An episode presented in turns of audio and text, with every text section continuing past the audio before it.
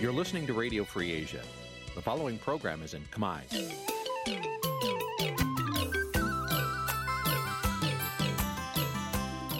Nǐ chi càm bi tiệp xáy vệt chiu a zì sê ray. Nǐ chi càm bi tiệp xáy rụ bá vệt chiu a zì sê ray chia phía xa khải. វិទ្យុអាស៊ីសេរីសូមស្វាគមន៍លោកអ្នកនាងទាំងអស់ពីរដ្ឋធានី Washington នៃសហរដ្ឋអាមេរិក។ ចាប់ផ្សាយផ្ទាល់ពីរដ្ឋធានី Washington នាងខ្ញុំសុជីវីសូមជម្រាបសួរលោកអ្នកនាងកញ្ញាដែលកំពុងតាមដានការផ្សាយរបស់ Vithu Azisari ទាំងអស់ជាទីមេត្រីចា៎យើងខ្ញុំសូមជូនកម្មវិធីផ្សាយសម្រាប់យប់ថ្ងៃអាទិត្យ6រោចខែស្រាបឆ្នាំឆ្លូវត្រីស័កពុរសករាជ2565ចាប់ត្រូវនឹងថ្ងៃទី29ខែសីហាគ្រិស្តសករាជ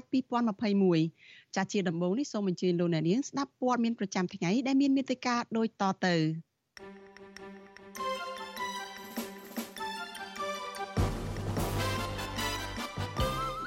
សង្គមស៊ីវិលជំរុញរដ្ឋាភិបាលគោរពសិទ្ធិមនុស្សឲ្យបានពេញលេញក្នុងការទទួលយកជនភៀសខ្លួនអាហ្វហ្គានីស្ថាន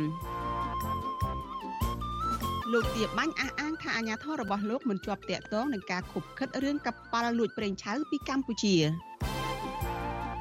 សេរីភាពបញ្ចេញមតិធ្លាក់ចុះខ្លាំងព្រោះការបង្ក្រាបតាមផ្លូវតុលាការប្រជាកសិករតាមខេត្តមួយចំនួនខូចខាតដំណាំស្រូវរាប់ពាន់ហិកតាដោយសារតែគ្មានទឹក រួមនឹងព័ត៌មានផ្សេងៗមួយចំនួនទៀត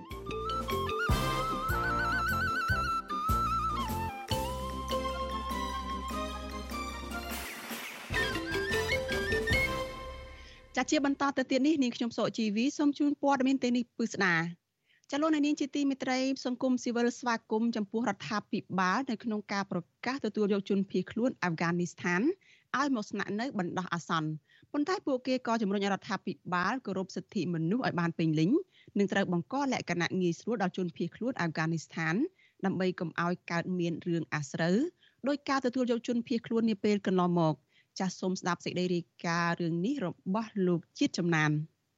កម្ពុជាមិនធ្លាប់ទទួលបានជោគជ័យក្នុងការទទួលយកឬថែទាំជនភៀសខ្លួនឲ្យបានល្អប្រសើរទេ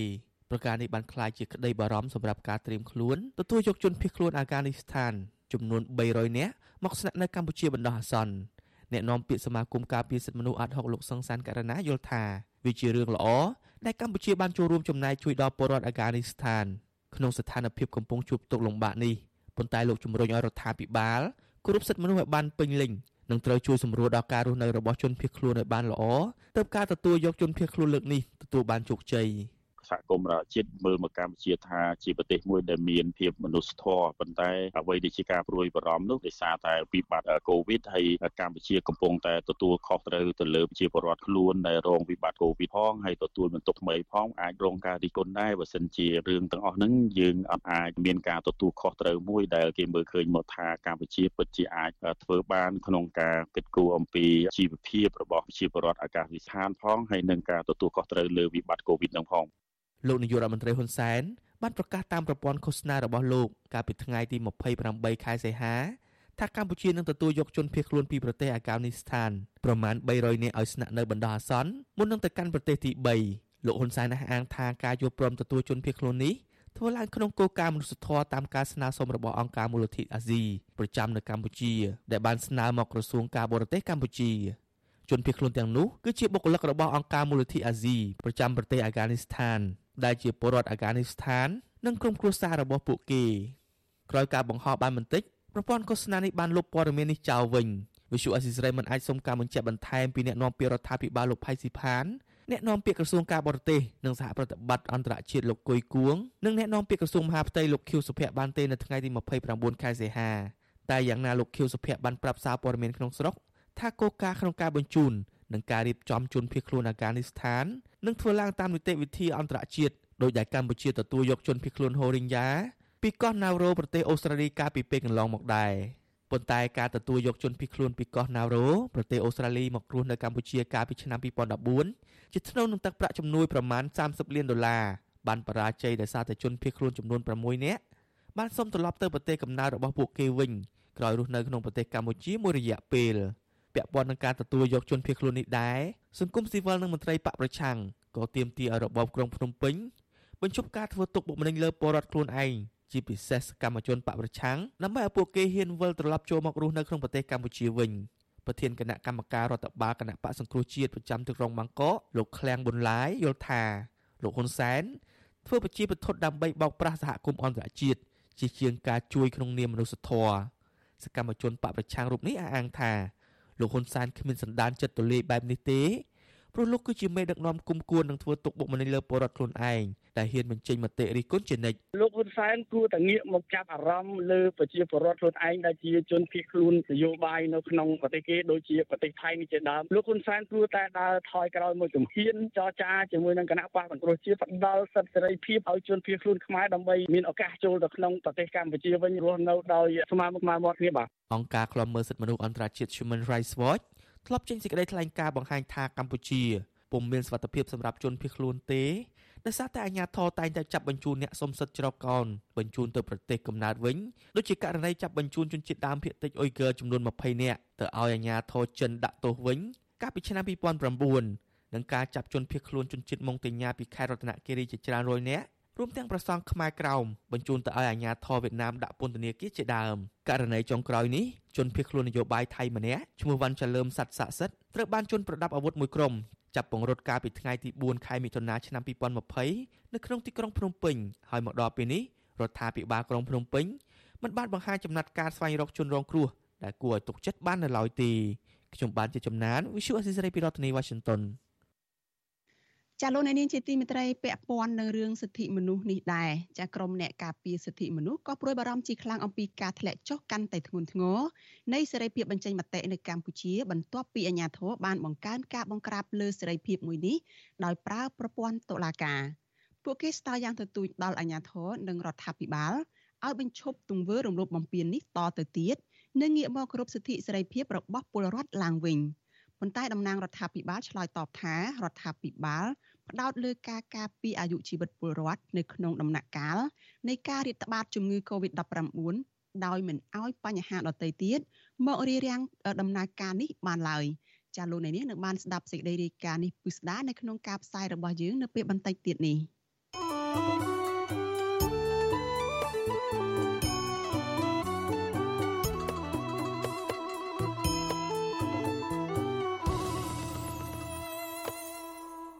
ចាលោកនាងកញ្ញាជាទីមេត្រីចាលោកអ្នកកំពុងតាមដានការផ្សាយរបស់វិទ្យុអាស៊ីសេរីផ្សាយចេញពីរដ្ឋធានី Washington សហរដ្ឋអាមេរិកចាសេចក្តីរាយការណ៍តាក់ទងនឹងរឿងរ៉ាវចម្រូងចម្រាសនៃការលួចយកប្រេងឆៅពីកម្ពុជាឯនេះវិញចារដ្ឋមន្ត្រីក្រសួងការពារជាតិគឺលោកទាបាញ់អះអាងថាករណីកប៉ាល់ដ៏ធំលួចប្រេងឆៅចេញពីកម្ពុជា ដែលទីហ៊ានជើងទឹកនៃប្រទេសឥណ្ឌូនេស៊ីចាប់បាននោះគឺមិនជាប់តាក់ទងនឹងការខົບខិត ឬការប្រព្រឹត្តអំពើពុករលួយរបស់អាជ្ញាធរកម្ពុជានោះទេប៉ុន្តែ ចំពោះស្ថាបនិកចលនាមេដាធម្មជាតិយល់ឃើញថាករណីនេះគឺអាចកើតឡើងដោយសារតែការខົບខិតគ្នានិងអសមត្ថភាពនៅក្នុងការគ្រប់គ្រងរបស់អាជ្ញាធររដ្ឋាភិបាលលោកហ៊ុនសែនចាសសូមស្ដាប់សេចក្តីរាយការណ៍របស់លោកមានរិទ្ធអំពីរឿងនេះរដ្ឋមន្ត្រីក្រសួងការពារជាតិលោកទាបាញ់ប្រវិសុយស៊ីស្រីថាក្រុមហ៊ុន Chris Energy បានជួលកប៉ាល់លួចប្រេងឆៅកម្ពុជា ហើយដឹកទៅប្រទេសថៃដើម្បីបំពេញផ្លូវច្បាប់លោកបន្តថារដ្ឋាភិបាលកម្ពុជាក៏បានប្តឹងទៅសមាជិកឥណ្ឌូនេស៊ីសូមកិច្ចសហការទាមទាររឹបអូសនាវាដែលបានលួចដឹកប្រេងឆៅចេញពីកម្ពុជានោះឲ្យមកកម្ពុជាវិញពីព្រោះក្រុមហ៊ុននោះមិនបានអនុវត្តតាមកិច្ចសន្យាកន្លងមកនោះទេលោកទាបាញ់បញ្ជាក់ថាក្រសួងរាយនឹងធម្មពលគឺជាអ្នកទទួលខុសត្រូវជំវិញករណីនេះចំណាយក្រសួងការពារជាតិរបស់លោកតាមរយៈគណៈកម្មាធិការជាតិសន្តិសុខលំហសមុទ្រ មានសមត្ថកិច្ចត្រឹមតែស្វែងរកកប៉ាល់លួចដឹកប្រេងតបតាមសំណើនិងរាយការណ៍ត្រឡប់ទៅវិញតែប៉ុណ្ណោះដោយសារខាងលោកមិនជាប់ពាក់ព័ន្ធលើវិស័យប្រេងនេះទេលោកអះអាងថារឿងនេះមិនជាប់ពាក់ព័ន្ធនឹងការខົບខិតឬប្រព្រឹត្តអំពើពុករលួយ របស់មន្ត្រីលោកនោះទេដោយលោកលើកហេតុផលថាកប៉ាល់ដឹកប្រេងនោះរត់គេចចេញពីអាញាធរកម្ពុជា តែលោកមិនបញ្ជាក់ថាមូលហេតុអ្វីបានជាកប៉ាល់នោះអាចគេចផុតចេញពីលំហសមុទ្រកម្ពុជាបាននោះទេ លោកទាបាញ់ឲ្យដឹងទៀតថាបច្ចុប្បន្នមន្ត្រីស្ថាប័នពាក់ព័ន្ធកំពុងប្រឹងប្រែងលើកិច្ចការនេះដោយប្តឹងទៅគ្រប់ភាគីទាំងអស់ដើម្បីទាមទារប្រេងដែលជាចំណាយរបស់កម្ពុជាមកវិញ តែឥឡូវហ្នឹងគឺមន្ត្រីខាងយើងនេះគឺកំពុងតែប៉ដឹងធ្វើមកយកមកវិញអាប្រេងដែលបងបានទាំងប្រមាណហ្នឹងបើសិនជាលក់វល់ដោយ៉ាងណាខ្ញុំមិនដឹងទេថាបើមានយ៉ាងណាទៅគឺចំណែករបស់កម្ពុជាគឺវាត្រូវតែមាននៅក្នុងនោះគេផ្ដឹងដល់គ្នាហ្នឹងឥឡូវហ្នឹងគឺគេមានមេធាវីមានអីរបស់គេហ្នឹងតាមផ្លូវច្បាប់របស់គេផ្ដឹងមានអីគឺគេរកគ្រប់រឿងទាំងអស់ វិសុវអាស៊ីស្រីមិនអាចតាក់ទងแนะនាំពាក្យក្រសួងពាណិជ្ជកម្មលោកសៀងថៃនិងแนะនាំពាក្យក្រសួងយុទ្ធភ័ពលោកចិនម៉ាលីនដើម្បីសុំការបញ្ជាក់បន្ថែមជុំវិញរឿងនេះបាននៅឡើយទេនៅថ្ងៃទី29ខែសីហាចំណែកឯแนะនាំពាក្យក្រសួងរាយនឹងធម្មពលលោកជាបសួរប្រាប់ថាលោកជាប់រវល់ទោះយ៉ាងណាកាលពីថ្ងៃទី27ខែសីហា មន្ត្រីនាំពាក្យយោធាជើងទឹកឥណ្ឌូនេស៊ីលោក Julia Sweet Jojono ប្រាប់ភ្នាក់ងារសារព័ត៌មានរបស់ Visual Asia សេរី Bena News ថាការខាត់កប៉ាល់ដឹកប្រេងឆៅពីកម្ពុជា មិនមែនតាមសំណើរបស់កម្ពុជានោះទេក៏ប៉ុន្តែមូលហេតុនៃការខាត់កប៉ាល់នោះគឺដោយសារតែកប៉ាល់នោះបានរំលោភដែនសមុទ្រឥណ្ឌូនេស៊ីមន្ត្រីដដែលបញ្ជាក់ថាការប្រគល់ភ័ស្តុតាងទៅឲ្យកម្ពុជាវិញនឹងត្រូវសម្រេចដោយចៅក្រមឥណ្ឌូនេស៊ី មន្ត្រីយោធាឥណ្ឌូនេស៊ីដដែលថាលិខិតរបស់រដ្ឋាភិបាលកម្ពុជាផ្ញើទៅក្រសួងការបរទេសឥណ្ឌូនេស៊ីមិនបានស្នើឲ្យឥណ្ឌូនេស៊ីសងប្រេងឆៅមកកម្ពុជាវិញនោះទេការលើកឡើងរបស់ភាគីឥណ្ឌូនេស៊ីពេលនេះហាក់ផ្ទុយគ្នាពីការអះអាងរបស់ភាគីកម្ពុជា ដែលថាភាគីកម្ពុជា ស្នើទៅប៉ូលីស Interpol ឲ្យចាប់កប៉ាល់ដឹកប្រេងនោះមកវិញភាគីកម្ពុជាតែងតែអះអាងទៀតថា រដ្ឋាភិបាល បានស្នើទៅរដ្ឋាភិបាលឥណ្ឌូនេស៊ីឲ្យបញ្ជូនប្រេងឆៅទាំងនោះមកឲ្យកម្ពុជាវិញជុំវិញរឿងនេះស្ថាបនិកចលនាមេដាធម្មជាតិលោក Alejandro Gonzalez Davidson មើលឃើញថាករណីនេះអាចជាប់ពាក់ព័ន្ធនឹងករណីអំពើពុករលួយ រវាងរដ្ឋាភិបាលកម្ពុជា និងក្រុមហ៊ុន Chris Energy ជាពិសេសបង្ហាញឲ្យឃើញពីអសមត្ថភាពរបស់អាជ្ញាធរនៅក្នុងការគ្រប់គ្រងដែនសមុទ្ររបស់ខ្លួន លោកអស់សំណើចដោយពំគួរឲ្យជឿថាកប៉ាល់ទំហំធំអាចលួចដឹកប្រេងផុតពីភ្នែកអាជ្ញាធរកម្ពុជា លោក Alex ថាប៉ះសិនបើទាហានជើងទឹកឥណ្ឌូនេស៊ីមិនចាប់បានកប៉ាល់លួចដឹកប្រេងនេះវិញនោះពលរដ្ឋខ្មែរគ្រប់រូបប្រហែលជាមិនដឹងរឿងរ៉ាវទាំងនេះទេលោកបន្តថារឿងនេះរដ្ឋាភិបាលលោកហ៊ុនសែនកំពុងរងការអាម៉ាស់នៅលើឆាកអន្តរជាតិហើយព្យាយាមលាក់បាំងព័ត៌មានចំពោះពលរដ្ឋ រឿងនេះវាចម្លែកមែនទែនគឺឃើញថាវាកំពុងតែវិវត្តទៅជារឿងអាម៉ាស់បំផុតដល់របបលោកហ៊ុនសែនដែលថាក្រោយពីក្រុមហ៊ុនខ្សែធនក្រោយពីមិនអាចបំពេញកិច្ចសន្យាថាប្រទេសកម្ពុជាមានចំណូលប្រមាណ100លានដុល្លារពីប្រេងកាបហ្នឹងក្រោយមកក្រុមហ៊ុននឹងខ្សែធនផងមិនត្រឹមខ្សែធនទេគឺដឹកអាប្រេងប្រមាណបារ៉ែលយកទៅបាត់ហ្នឹងគឺវាវាប៉ះពាល់មុខមាត់មែនទែនណា ក្រុមហ៊ុន Chris Energy ដែលមានមូលដ្ឋាននៅប្រទេសសង្ហបុរី បានប្រកាសខ្សែធនកាលពីខែមិថុនាកន្លងទៅដោយសារតែកម្ពុជាគ្មានប្រេងច្រើនមិនគ្រប់សងបំណុលក្រុមហ៊ុនអាញាធនឥណ្ឌូនេស៊ីកាលពីចុងខែកក្កដាបានចាប់កប៉ាល់ដឹកប្រេងមួយគ្រឿងនិងឃាត់ខ្លួនសមាជិកនាវិក18នាក់ដែលដឹកប្រេងឆៅចេញពីកម្ពុជាប្រមាណ3សែនធុងមានតម្លៃជាង20លានដុល្លារអាមេរិកចូលដែនសមុទ្រឥណ្ឌូនេស៊ី ក្រុមអ្នកឃ្លាំមើលយល់ថារឿងករណីកប៉ាល់លួចប្រេងឆៅកម្ពុជានេះអាចជាប់តាក់ទងទៅនឹងអំពើពុករលួយរបស់រដ្ឋាភិបាលលោកហ៊ុនសែនទើបភាគីកម្ពុជាបង្ហាញព័ត៌មានតិចតួច និងពេលខ្លះផ្ដល់ដំណឹងមិនច្បាស់លាស់ថែមទៀតផងខ្ញុំបាទមេរិត Visual C ស្រីរាយការណ៍ពីរដ្ឋធានី Washington ចាលោកនាងជាទីមេត្រីចាតកតងនឹងដំណាំស្រូវរបស់កសិករនៅតាមបណ្ដាខេត្តមួយចំនួនវិញម្ដង ស្រូវរបស់កសិកររាប់ពាន់ហិកតាកំពុងតែរងការខូចខាតដោយសារតែការរីងស្ងួត មិនមានទឹកប្រើប្រាស់ចកសិករកាន់តែច្រើនភ័យខ្លាចថាស្រូវរបស់ពួកគាត់នោះមិនអាចផ្គត់ផ្គង់ជីវភាពរស់នៅបាននៅពេលខាងមុខចាលោកនាងនឹងបានទស្សនាសេចក្តីរាយការណ៍នេះពិស្ដារនៅក្នុងការផ្សាយរបស់យើងនៅពេលបន្តិចទៀតនេះ។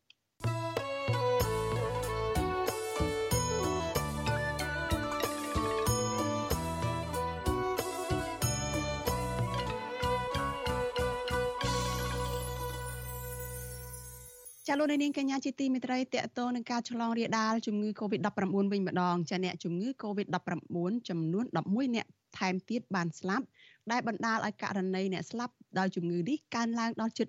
1900អ្នកហើយគិតត្រឹមថ្ងៃទី29ខែសីហានេះ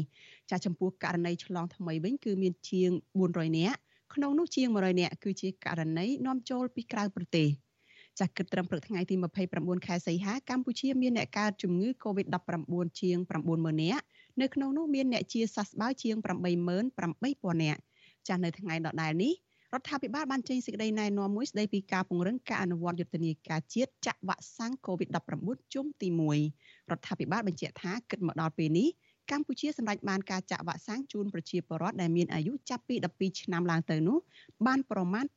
89%ហើយបើប្រៀបធៀបទៅនឹងគោលដៅនៃអ្នកចាក់សរុបចំនួន12លាននាក់រដ្ឋាភិបាលរំពឹងថាយុទ្ធនាការចាក់វ៉ាក់សាំងជុំទី1នេះអាចនឹងបញ្ចប់នៅចុងខែតុលាឬក៏ដើមខែវិច្ឆិកាខាងមុខបន្ថែមពីលើនេះរដ្ឋាភិបាលក៏បានដាក់ចេញនៅគោលនយោបាយចាក់វ៉ាក់សាំង COVID ដូសទី1 COVID ដូសជំរុញដើម្បីជូនទៅប្រជាពលរដ្ឋឲ្យធានាបាននៅភាពសាមសហគមន៍រឹងមាំពិតប្រាកដមួយក្នុងការឈានទៅបើកដំណើរការប្រទេសឲ្យបានពេញលេញនៅគ្រប់វិស័យ thank you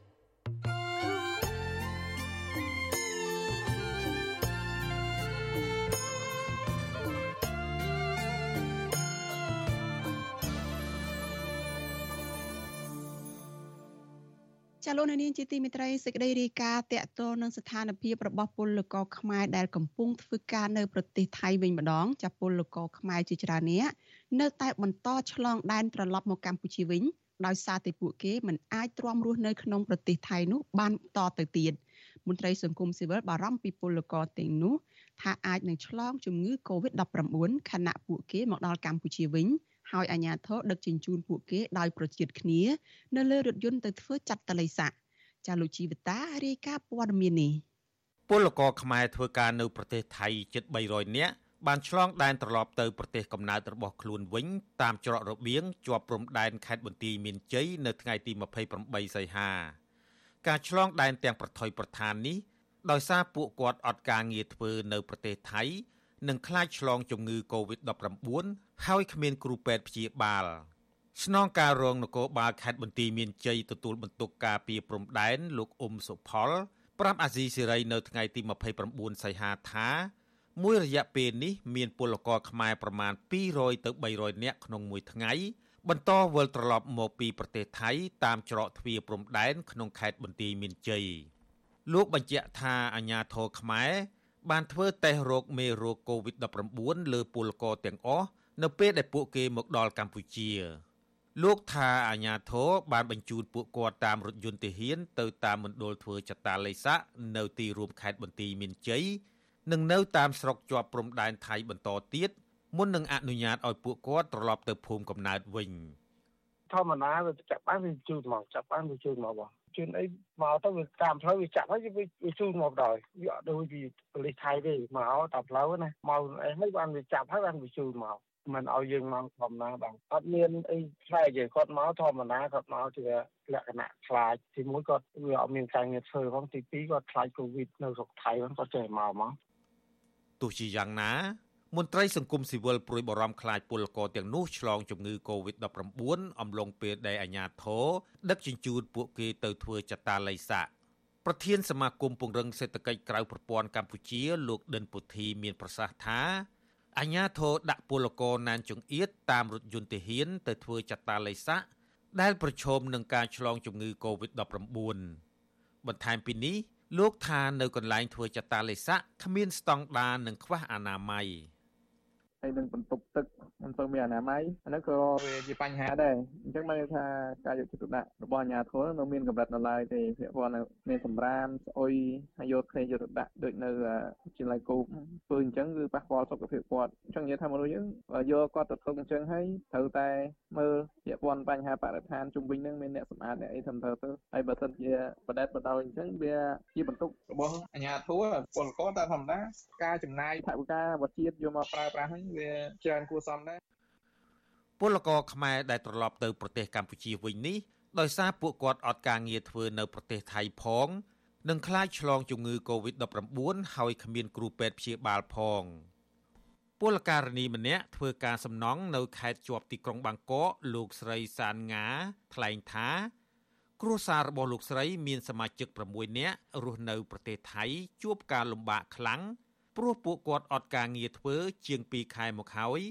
ដោយសារអាជ្ញាធរបិទគប់ទីក្រុងបាងកកនិងខេត្តជុំវិញនោះដើម្បីទប់ស្កាត់ជំងឺ Covid-19 ស្ត្រីវ័យ45ឆ្នាំរូបនេះចង់នាំគ្រួសារត្រឡប់ទៅប្រទេសកម្ពុជាវិញព្រោះគ្មានលទ្ធភាពរស់នៅប្រទេសថៃបន្តទៀតបាន ដើបេះត្រួយតិឆែតដើរបេះត្រួយតពួនប្រឡប់ខ្លាញ់ទៅហូបទៅត្រីខគេបើកអោយមកក៏ចេះតែកលេតចេះតែអាទឹកទឹកក៏ប្រឡាក់ឲ្យចៅហូបទៅអត់សាច់សាច់ចេះតែបុកជូរបុកប្រហុកបើហូបវិទី1ក៏ពួកញ៉ាំបានចុះទៅផ្ទះដែរខ្ញុំនៅទី2ក៏អត់នេះដែរទៅវាកនេះឯងខ្លាំងផុតឡើយមុនដំបងថាអាស្បៃល្មមមុំតាំងពីខែ4ខែ5ណាថាទៅផ្ទះអីទេអីទេក៏ខ្លាំងទៅខ្លាំងទៅក៏រើអត់រួចឡើយបើប្អូនចដូនមួយខ្ញុំនៅស្រុកភូមិនោះងឹបប្តីអស់មួយហើយដោយសារកូវីដចេះថាបងអើយមកផ្ទះមកទុះទៅផ្ទះទៅស្វងទៅអីទៅអូនចេះចុះទៅក៏ស្ទុះទៅក៏ស្លាប់ទៅមានបានឃើញមុខគ្នាណាបងពលករខ្មែរបាននាំគ្នាត្រឡប់ទៅកម្ពុជាវិញជាបន្តបន្ទាប់ចាប់តាំងពីថ្ងៃទី13ខែសីហា នៅពេលអាជ្ញាធរខ្មែរបើកច្រកទ្វារព្រំដែនការធ្វើមាតុភូមិនិវត្តន៍នេះដោយសារពួកគាត់ព្រួយបារម្ភខ្លាចឆ្លងជំងឺ Covid-19 ដែលកំពុងរាតត្បាតខ្លាំងនៅប្រទេសថៃក្រោយពីអាជ្ញាធរបើកទ្វារព្រំដែនទទួលពលករខ្មែរមកដល់ពេលនេះ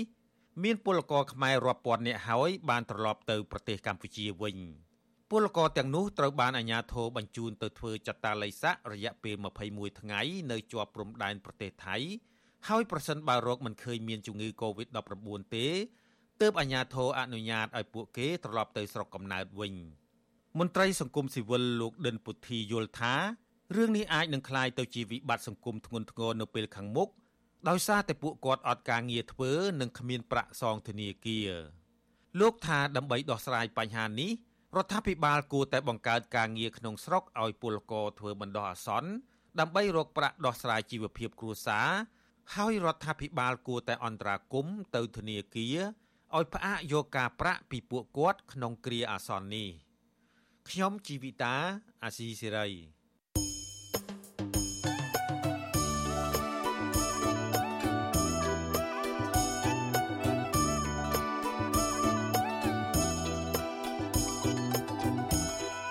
នកនាងកញ្ញាជាទីមេត្រីចានៅក្នុងឱកាសនេះចានេះខ្ញុំសូមថ្លែងអំណរគុណដល់លោកអ្នកនាងដែលតែងតែមានភក្ដីភាពចំពោះការផ្សាយរបស់យើងចាឲ្យចាត់ទុកការស្ដាប់វិទ្យុអាស៊ីសេរីគឺជាសកម្មភាពផ្នែកមួយនៃសកម្មភាពប្រចាំថ្ងៃរបស់លោកអ្នកនាង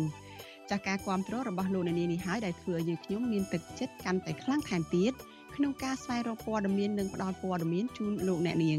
ចាំមានអ្នកស្ដាប់មានអ្នកទស្សនាកាន់តែច្រើនកាន់តែធ្វើឲ្យយើងខ្ញុំមានភាពស្វាហាប់មោះមុតជាបន្តទៅទៀត ចាយើងខ្ញុំសូមអរគុណទុកជាមុនហើយសូមអញ្ជើញលោកអ្នកនាងចូលរួមជំរុញឲ្យសកម្មភាពផ្តល់ព័ត៌មានរបស់យើងនេះកាន់តែជោគជ័យបន្ថែមទៀត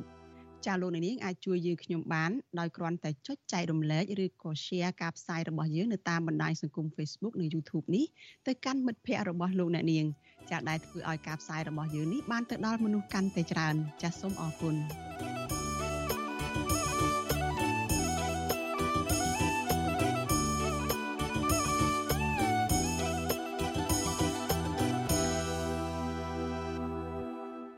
ចាលោកអ្នកនាងជាទីមេត្រីសេចក្តីរាយការណ៍ពាក់ព័ន្ធនឹងស្ថានភាពសិទ្ធិមនុស្សវិញម្ដងចាអ្នកការពារសិទ្ធិមនុស្សព្រួយបារម្ភជាខ្លាំងអំពីការធ្លាក់ចុះកាន់តែធ្ងន់ធ្ងរនៃសេរីភាពបញ្ចេញមតិនៅកម្ពុជា បន្ទាប់ពីអាជ្ញាធរបានបង្កើនការបង្ក្រាបលើសេរីភាពមួយនេះតាមរយៈប្រព័ន្ធតុលាការពួកគេស្នើយ៉ាងទទូចទៅដល់រដ្ឋាភិបាលនិងអាជ្ញាធរឲ្យបញ្ឈប់ទង្វើរំលោភបំពានទាំងនេះនិងងាកមកគោរពសិទ្ធិសេរីភាពរបស់ពលរដ្ឋឡើងវិញ។ ចាប៉ុន្តែតំណាងរដ្ឋាភិបាលនៅតែឆ្លើយតបថារដ្ឋាភិបាលផ្ដោតទៅលើការការពារអាយុជីវិតពលរដ្ឋនៅក្នុងពេលដែលមានការរាតត្បាតជំងឺ Covid-19 នេះដោយមិនអោយបញ្ហាដទៃផ្សេងណាទៀតមករារាំងដំណើរការនេះបានឡើយចាសសូមស្ដាប់សេចក្តីរាយការណ៍របស់លោកមួងណារ៉េតអំពីរឿងនេះក្រុមអង្គការសង្គមស៊ីវិលផ្នែកសិទ្ធិមនុស្សក៏សម្គាល់ឃើញថាការបញ្ចេញមតិរបស់ប្រជាពលរដ្ឋហាក់បានคล้ายទៅជាទិសដៅនៃការបង្ក្រាបរបស់អាជ្ញាធរនារយៈពេលចុងក្រោយនេះ។ មិនថាជាមតិរិះគន់រដ្ឋាភិបាលឬក៏ជាការសម្ដែងទុកកង្វល់ផ្ទាល់ខ្លួននោះទេការបង្ក្រាបនោះត្រូវបានធ្វើឡើងជាប្រព័ន្ធតាមផ្លូវតុលាការគឺការចាប់ឃុំខ្លួន ចោតប្រកាន់និងដាក់ទោសអ្នកដែលបញ្ចេញមតិរិះគន់ទាំងនោះ។ ប្រធានសមាគមការពារសិទ្ធិមនុស្សអាត់ហុកលោកនីសុខា មានប្រសាសន៍ថាសេរីភាពបញ្ចេញមតិត្រូវបានធានាយ៉ាងពេញលេញនៅក្នុងរដ្ឋធម្មនុញ្ញនិងច្បាប់អន្តរជាតិដែលកម្ពុជាទទួលស្គាល់ក៏ប៉ុន្តែលោកថានៅក្នុងការអនុវត្តជាក់ស្ដែងអាជ្ញាធរបានរំលោភលើសេរីភាពនេះម្ដងហើយម្ដងទៀតក្រោមហេតុផលនៃការអនុវត្តច្បាប់បើទោះបីជាករណីទាំងនោះគ្មានមូលដ្ឋានគ្រប់គ្រាន់យ៉ាងណាក្តី ស្ថានភាពចុងក្រោយនេះគឺថារដ្ឋាភិបាលមិនបានលើកកម្ពស់សេរីភាពបញ្ចេញមតិដោយអ្វីដែលជាសំណើរបស់សហគមន៍អឺរ៉ុបសំណើរបស់ទូតមួយចំនួនឬក៏របស់អង្គការសង្គមស៊ីវិលជាតិអន្តរជាតិនឹងទេហើយពីមួយថ្ងៃទៅមួយថ្ងៃរដ្ឋាភិបាលកាន់តែបន្តរឹតបន្តឹងទៅរឹតបន្តឹងទៅទៅលើសេរីភាពបញ្ចេញមតិ តឡាការគឺជាអ្នករកខុសត្រូវនិងផ្ដាល់យុតិធធដល់ប្រជាពលរដ្ឋនៅពេលដែលមានករណីរំលោភលើសិទ្ធិសេរីភាពរបស់ពួកគាត់ពីព្រោះនៅក្នុងរដ្ឋធម្មនុញ្ញស្ថាប័ននេះមានកាតព្វកិច្ចធានាការពារសិទ្ធិសេរីភាពរបស់ប្រជាពលរដ្ឋបើទោះបីជាយ៉ាងនេះក្តីលោកនីសុខាសង្កេតឃើញថាតឡាការបច្ចុប្បន្នមិនត្រឹមតែមិនបំពេញកាតព្វកិច្ចរបស់ខ្លួននៅត្រង់ចំណុចនេះនោះទេក៏ប៉ុន្តែថែមទាំងដាក់ទោសលើប្រជាពលរដ្ឋទៅវិញដែលនេះជាបរាជ័យមួយនៅក្នុងប្រព័ន្ធយុតិធធកម្ពុជា ប្រជាពលរដ្ឋក៏ដូចជាសកម្មជនដែលហ៊ានបញ្ចេញមតិរិះគន់ទៅលើរដ្ឋាភិបាលឬក៏បញ្ចេញមតិពីកង្វល់ផ្សេងផ្សេងហើយយកគេទៅដាក់គុកយកគេទៅដាក់ទោសទណ្ឌអានឹងខ្ញុំថាគឺជាបរាជ័យមួយនៅក្នុងការអនុវត្តច្បាប់របស់តុលាការហើយបាទពីព្រោះបង្ហាញអំពីភាពអយុត្តិធម៌នៅក្នុងសង្គមបង្ហាញពីភាពដែលផ្ដន់ទាទោសទៅលើអ្នកដែលគេមិនបានប្រព្រឹត្តបទល្មើស ស្រដៀងគ្នានេះដែរនាយករងទទួលបន្ទុកផ្នែកឃ្លាំមើលសិទ្ធិមនុស្សនៃអង្គការលីកាដូលោកអំសំអាតគាត់សម្គាល់ឃើញថាការបង្ក្រាបសេរីភាពបញ្ចេញមតិនេះកើតមានឡើងនៅក្នុងរូបភាពប្រហាក់ប្រហែលគ្នាគឺអាជ្ញាធរចាប់ខ្លួននិងចោទប្រកាន់ប្រជាពលរដ្ឋឬសកម្មជនពីបទញុះញង់រួចតឡាការផ្ដន្ទាទោសអ្នកទាំងនោះដោយមិនមានការលើកលែងស្ទើរតែគ្រប់តឡាការខេត្តក្រុងហ្នឹងឲ្យតែអ្នកដែលបញ្ចេញមតិការចាប់និងចោទប្រកាន់ហ្នឹងគឺបាត់ល្មើសដូចគ្នាទាំងអស់ វាហាក់បីដូចជាការចម្លងតាមគ្នាតែម្ដងអញ្ចឹងបានយើងមើលទៅថាតើជាការអនុវត្តច្បាប់ឬក៏ជាការចម្លងតាមគ្នាដើម្បីបង្ក្រាប ការបង្ក្រាបពីករណីចុងក្រោយដែលត្រូវបានសហគមន៍ជាតិនិងអន្តរជាតិវាយតម្លៃថាជាការដាក់ទោសលើសេរីភាពបញ្ចេញមតិនោះគឺការផ្ដន់ទាទោសអ្នកការពារសិទ្ធិមនុស្សនិងជាអ្នកឃ្លាំមើលបញ្ហាព្រំដែនលោករងឈុនព្រមទាំងការដាក់ទោសលោកងួនលី ជាកសិករម្នាក់នៅខេត្តបាត់ដំបងពីបទញុះញង់តឡាការក្រុងភ្នំពេញបានកាត់ទោសលោករងឈុនឲ្យជាប់ពន្ធនាគារ2ឆ្នាំនិងបង់សំណងរាប់ម៉ឺនដុល្លារដោយសារតែការបញ្ចេញមតិរិះគន់អំពីបញ្ហាព្រំដែនកម្ពុជាវៀតណាម។ បញ្ហាព្រំដែនកម្ពុជាវៀតណាមនេះគឺជារឿងរសើបបំផុតសម្រាប់របបលោកហ៊ុនសែនព្រោះតាំងតែពីដើមមក របបនេះរងការស្ដីបន្ទោសជាហូរហែថាបានធ្វើឲ្យកម្ពុជាបាត់បង់ទឹកដីទៅភាគីវៀតណាមតាមរយៈសន្ធិសញ្ញាជាច្រើនតាំងតែពីទសវត្សរ៍ទី80មកលោកហ៊ុនសែនក៏ធ្លាប់ចាប់អ្នករិះគន់បញ្ហាព្រំដែនជាច្រើនអ្នកដាក់ពន្ធនាគាររាប់ចាប់តាំងពីប្រជាពលរដ្ឋសាមញ្ញរហូតដល់តំណាងរាជគណៈបពប្រឆាំង។ រីឯលោកងួនលីវិញតឡាការបាត់ដំបងបានកាត់ទោសកសិកររូបនេះឲ្យជាប់ពន្ធនាគារជិត1ឆ្នាំបន្ទាប់ពីលោកបានបង្ហោះវីដេអូលើបណ្ដាញសង្គម Facebook រៀបរាប់អំពីរឿងផ្លែមៀនឬក៏តង្កែនដែលគ្មានទីផ្សារ បើទោះបីជាអ្វីដែលលោករៀបរាប់នេះគឺជាការពិតក៏ដោយក៏អាជ្ញាធរមិនលើកលែងឲ្យលោកនោះដែរព្រោះការបញ្ចេញមតិរបស់លោកនេះគឺនៅចំពេលដែលលោកនាយរដ្ឋមន្ត្រីហ៊ុនសែនកំពុងតែដាក់ចេញយុទ្ធនាការប្រមូលទិញមានឬក៏តង្កែនពីកសិករចែកជូនតាមកន្លែងធ្វើចតាល័យស័កអាជ្ញាធរចាប់ខ្លួនលោកងួនលីនៅថ្ងៃទី24ខែសីហាហើយមួយថ្ងៃក្រោយមកតុលាការបានផ្តន្ទាទោសលោកឲ្យជាប់ពន្ធនាគារ10ខែរួចបញ្ជូនទៅឃុំខ្លួននៅក្នុងពន្ធនាគារតែម្ដង។ អ្នកវិភាគនយោបាយចាស់វសានិងអ្នកជំនាញច្បាប់លោកបណ្ឌិតឡាមម៉ុងហៃសរសេររិះគន់លើបណ្ដាញសង្គម Facebook ថានេះគឺជារឿងមិនត្រឹមត្រូវនិងអយុត្តិធម៌លោកចោទជាសំណួរថាតើមន្ត្រីតឡាការដែលដាក់ទោសកសិកររូបនេះគ្មានសម្បញ្ញៈគិតពិចារណាទេឬពីព្រោះការបញ្ចេញមតិរបស់គាត់គឺជាសេរីភាពដែលធានាដោយរដ្ឋធម្មនុញ្ញខ្ពស់ជាងច្បាប់ព្រហ្មទណ្ឌទៅទៀត ម្យ៉ាងវិញទៀតចៅក្រមនិងព្រះអាជ្ញាដែលជាមន្ត្រីនៃអំណាចតឡាការត្រូវតែឯករាជ្យរក្សាអនាគតឬក៏ភាពមិនលំអៀងនិងការពារសិទ្ធិសេរីភាពរបស់ប្រជាពលរដ្ឋប្រធានប្រតិបត្តិគណៈបកសង្គ្រោះជាតិរាជធានីភ្នំពេញដែលកំពុងតែភៀសខ្លួននៅក្រៅប្រទេសលោកមនផាឡាឯណោះយល់ថាមូលហេតុដែលរបបលោកហ៊ុនសែនបង្ក្រាបធ្ងន់ធ្ងរលើសេរីភាពបញ្ចេញមតិនារយៈពេលចុងក្រោយនេះគឺដោយសារតែរបបនេះខ្លាចការពិត។ លោកថាការពិតនោះគឺរបបដឹកនាំបច្ចុប្បន្នអសមត្ថភាពនៅក្នុងការដោះស្រាយបញ្ហាធំធំរបស់ជាតិរួមមានអយុត្តិធម៌សង្គមបញ្ហាព្រំដែនការកាប់បំផ្លាញព្រៃឈើនិងកង្វះទីផ្សារកសិកម្មជាដើមដូច្នេះការរិះគន់លើបញ្ហាទាំងនេះនឹងធ្វើឲ្យរបបលោកហ៊ុនសែនបាត់បង់ប្រជាប្រិយភាព លោកមនផល្លាថ្លែងទៀតថាច្បាប់និងប្រព័ន្ធតុលាការសពថ្ងៃបានคล้ายជាឧបករណ៍ផ្ដាច់មុខរបស់ក្រុមលោកហ៊ុនសែនដើម្បីបំបិតមាត់និងបង្ក្រាបលើសិទ្ធិសេរីភាពរបស់ប្រជាពលរដ្ឋរួចបាត់ទៅហើយក្រោមបញ្ជារបស់លោកនាយករដ្ឋមន្ត្រីបច្ចុប្បន្ននេះអញ្ចឹងអាច្បាប់ដែលមានចែងជាធរមានហ្នឹងគឺมันបានយកមកប្រើប្រាស់ដើម្បីជាប្រយោជន៍ប្រទេសជាតិបំរើឲ្យប្រជាពលរដ្ឋនោះទេ វត្តជូអាស៊ីសេរីមិនអាចតាក់ទងแนะនាំពាក្យក្រសួងយុតិធម៌លោកចិនម៉ាលីនដើម្បីសុំការឆ្លើយតបរឿងនេះបានទេក៏ប៉ុន្តែតំណាងរដ្ឋាភិបាលបានច្រានចោលការលើកឡើងទាំងឡាយជុំវិញការបង្ក្រាបលើសិទ្ធិបញ្ចេញមតិនេះ។ ប្រធានអង្គភិបអ្នកណែនាំពាក្យរដ្ឋាភិបាលលោកផៃស៊ីផានថ្លែងថារដ្ឋាភិបាលបើកចំហឲ្យមានសេរីភាពបញ្ចេញមតិក៏ប៉ុន្តែមិនមែនអ្វីមួយដែលលោកហៅថាជាការញុះញង់នោះទេលោកបន្តថារដ្ឋាភិបាល កំពុងតែផ្ដោតលើការការពារអាយុជីវិតរបស់ប្រជាពលរដ្ឋពីជំងឺ Covid-19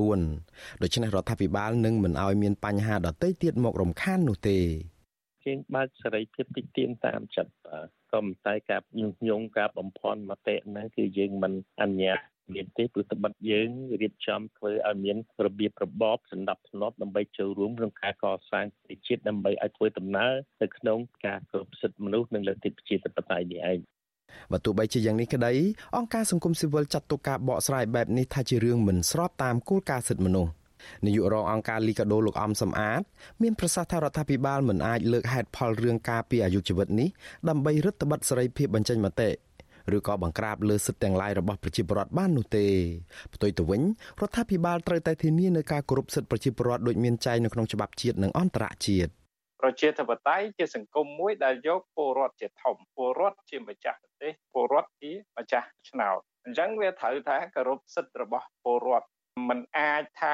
នៅក្នុងកលៈទេសៈនេះការអនុវត្តច្បាប់ហ្នឹងគឺធ្វើម៉េចកុំឲ្យប្រជាពលរដ្ឋបញ្ចេញមតិឬក៏អីហ្នឹងវាជារឿងល្អមិនមែនទេ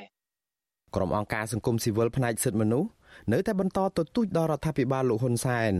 ឲ្យបញ្ឈប់ការបង្ក្រាបលើសេរីភាពបញ្ចេញមតិនិងសិទ្ធិទាំងឡាយរបស់ប្រជាពលរដ្ឋពីព្រោះនេះគឺជាទង្វើផ្ទុយពីរដ្ឋធម្មនុញ្ញនិងច្បាប់សិទ្ធិមនុស្សអន្តរជាតិជាពិសេសវាអាចធ្វើឲ្យក្រមប្រទេសប្រជាធិបតេយ្យដាក់ទណ្ឌកម្មបន្ថែមទៀតមកលើកម្ពុជាខ្ញុំបាទមួងណារ៉េត With you Aziz Ray ពីរដ្ឋធានី Washington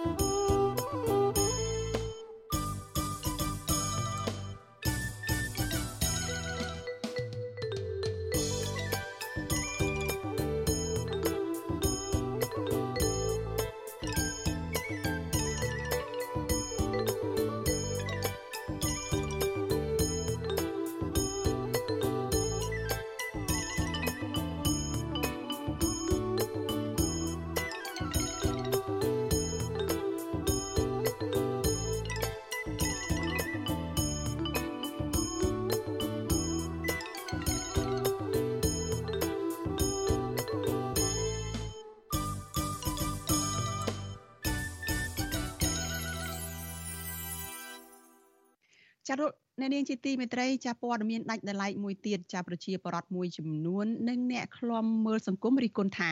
ការបង្ហោះបទចម្រៀងនៅលើទំព័រ Facebook ផ្លូវការរបស់លោកនាយករដ្ឋមន្ត្រីហ៊ុនសែនជារៀងរាល់ថ្ងៃនេះគឺជាការធ្វើនយោបាយប្រជាពិធដែលទំនងជាមិនអាចតាក់ទង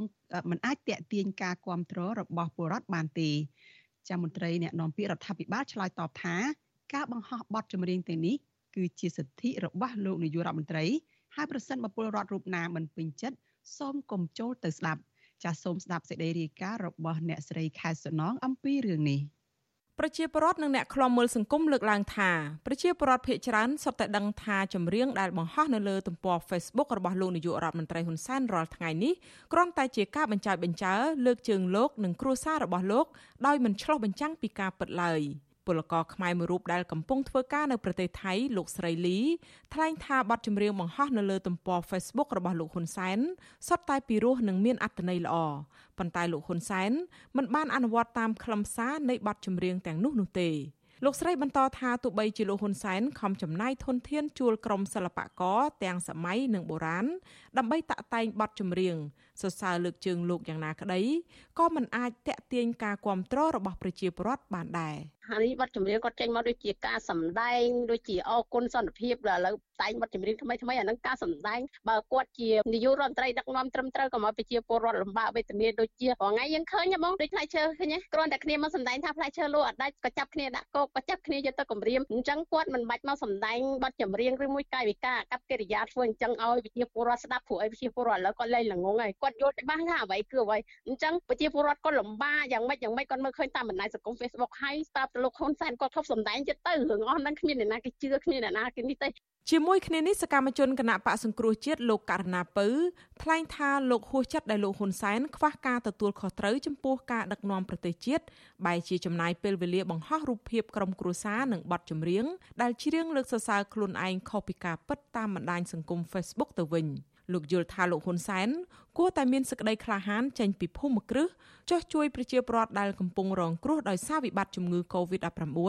និងយកចិត្តទុកដាក់ស្ដារប្រជាធិបតេយ្យនិងការគោរពសិទ្ធិមនុស្សឡើងវិញទើបជារឿងត្រឹមត្រូវមើលទំនំទូទាំងពិភពលោកដូចគេមិនបានអួតអាងទៅលើការដឹកនាំរបស់ថ្នាក់ដឹកនាំណាមួយទេព្រោះមានតែមួយគឺប្រទេសកម្ពុជានឹងគាត់តែងតែបង្ហោះអួតអាងមិត្តផលរបស់ខ្លួនឯងដូចជាការសាងសង់អីផ្សេងផ្សេងស្ពានសាលាអីគាត់ដាក់ឈ្មោះខ្លួនគាត់ទាំងអស់ជំនួយរបស់បរទេសតែគាត់យកមកដាក់ឈ្មោះខ្លួនឯងទាំងអស់มันបានឆ្លុះបញ្ចាំងពីតថភាពរួមដើម្បីជួយដល់ប្រជាពលរដ្ឋគឺដើម្បីអួតអាងទៅខ្លួនឯងជាមានរំលំអស្ចារ្យតែក៏ពិតទុយទៅវិញគឺសូន្យសូនបន្ទុកខ្ញុំឲ្យសូនបន្ទុកប្រតិកម្មរបស់ប្រជាពលរដ្ឋបែបនេះគឺបន្ទាប់ពីពួកគាត់កត់សម្គាល់ឃើញថា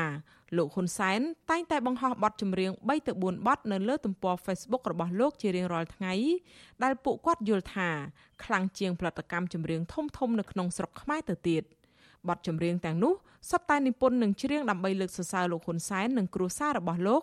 ក្នុងបំណងតាក់ទាញអារម្មណ៍របស់ប្រជាពលរដ្ឋឲ្យគ្រប់គ្រងនិងដឹងគុណលោកបទចម្រៀងដែលបង្ហោះមួយរយៈចុងក្រោយនេះគឺភាកច្រើនពាក់ព័ន្ធទៅនឹងការអគុណសន្តិភាពការទិញវ៉ាក់សាំងបង្ការជំងឺ Covid-19 និងរឿងលោកហ៊ុនសែនបញ្ជាឲ្យក្រុមអង្គរៈរបស់លោកចុះទិញផ្លែមៀនឬផ្លែតង្កែនពីប្រជាពលរដ្ឋនៅខេត្តបាត់ដំបង និងខេត្តប៉ៃលិនជាដើម មកដល់ប៉ៃលិននឹងបាត់ដំបងធ្វើដំណើរឆ្លង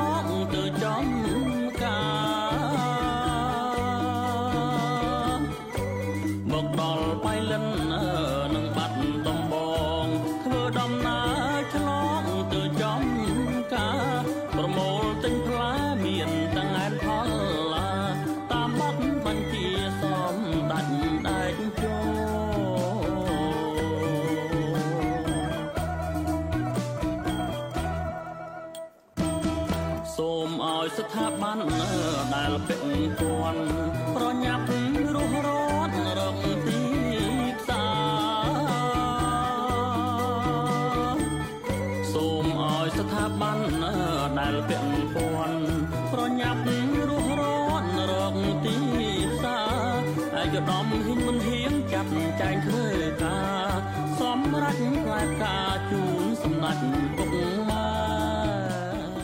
យ៉ាងណាទន្ទឹមទៅនឹងការផ្សាយបទចម្រៀងលើកសរសើរលោកហ៊ុនសែនរឿងទិញផ្លែមៀននិងផ្លែតង្កែនដើម្បីជួយកសិករនេះអាញាធរបាយជាចាប់កសិករដាំមៀនម្នាក់ដាក់ពន្ធនាគារចំនួន10ខែដោយសារបង្ហោះសារបញ្ចេញមតិរិះគន់រឿងគ្មានទីផ្សារទៅវិញជុំវិញរឿងនេះ ប្រធានអង្គភិបអ្នកណែនាំពាក្យរដ្ឋាភិបាលលោកផៃស៊ីផានថ្លែងថាបទចម្រៀងទាំងនោះទំនងជាលោកនាយករដ្ឋមន្ត្រីហ៊ុនសែនបង្ហោះលើទំព័រ Facebook ដោយខ្លួនឯងប៉ុន្តែលោកបណ្ដឹងថាលោកនាយករដ្ឋមន្ត្រីហ៊ុនសែនជួលក្រុមសិល្បករដើម្បីនិពន្ធនិងច្រៀងឲ្យលោកឬយ៉ាងណានោះទេលោកយល់ថាបទចម្រៀងមួយចំនួនអាចបានមកពីអ្នកស្ម័គ្រចិត្តឬអ្នកគាំទ្រ លោកបន្តថាប្រសិនបើប្រជាពលរដ្ឋរូបណាមិនពេញចិត្តទៅនឹងបទចម្រៀងទាំងនេះមិនបាច់ចូលស្ដាប់នោះទេចម្រៀងទាំងអស់ហ្នឹងគឺពាក់ព័ន្ធនឹងរឿងសិល្បៈពាក់ព័ន្ធនឹងអ្វីដែលជាសកម្មភាពរបស់សម្ដេចអាហ្នឹងអ្នកមិនពេញចិត្តអាហ្នឹងជារឿងអ្នកមិនពេញចិត្តពេញចិត្តទុកឲ្យអ្នកពេញចិត្តគេស្ដាប់គេសប្បាយរីករាយមួយបទចម្រៀងដែរណាទាំងអស់គ្នា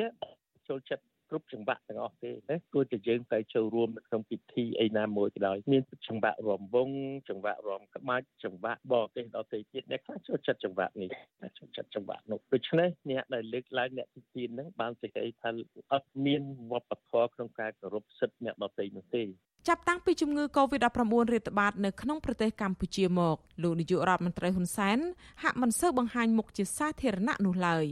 មេដឹកនាំរបបក្រុងភ្នំពេញរូបនេះតែងតែសកម្មនៅលើបណ្ដាញសង្គម Facebook ដូចជាបង្ហោះបទចម្រៀង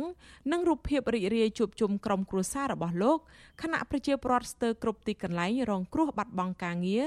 និងបាត់បង់ប្រាក់ចំណូលក្នុងពេលវិបត្តិជំងឺ Covid-19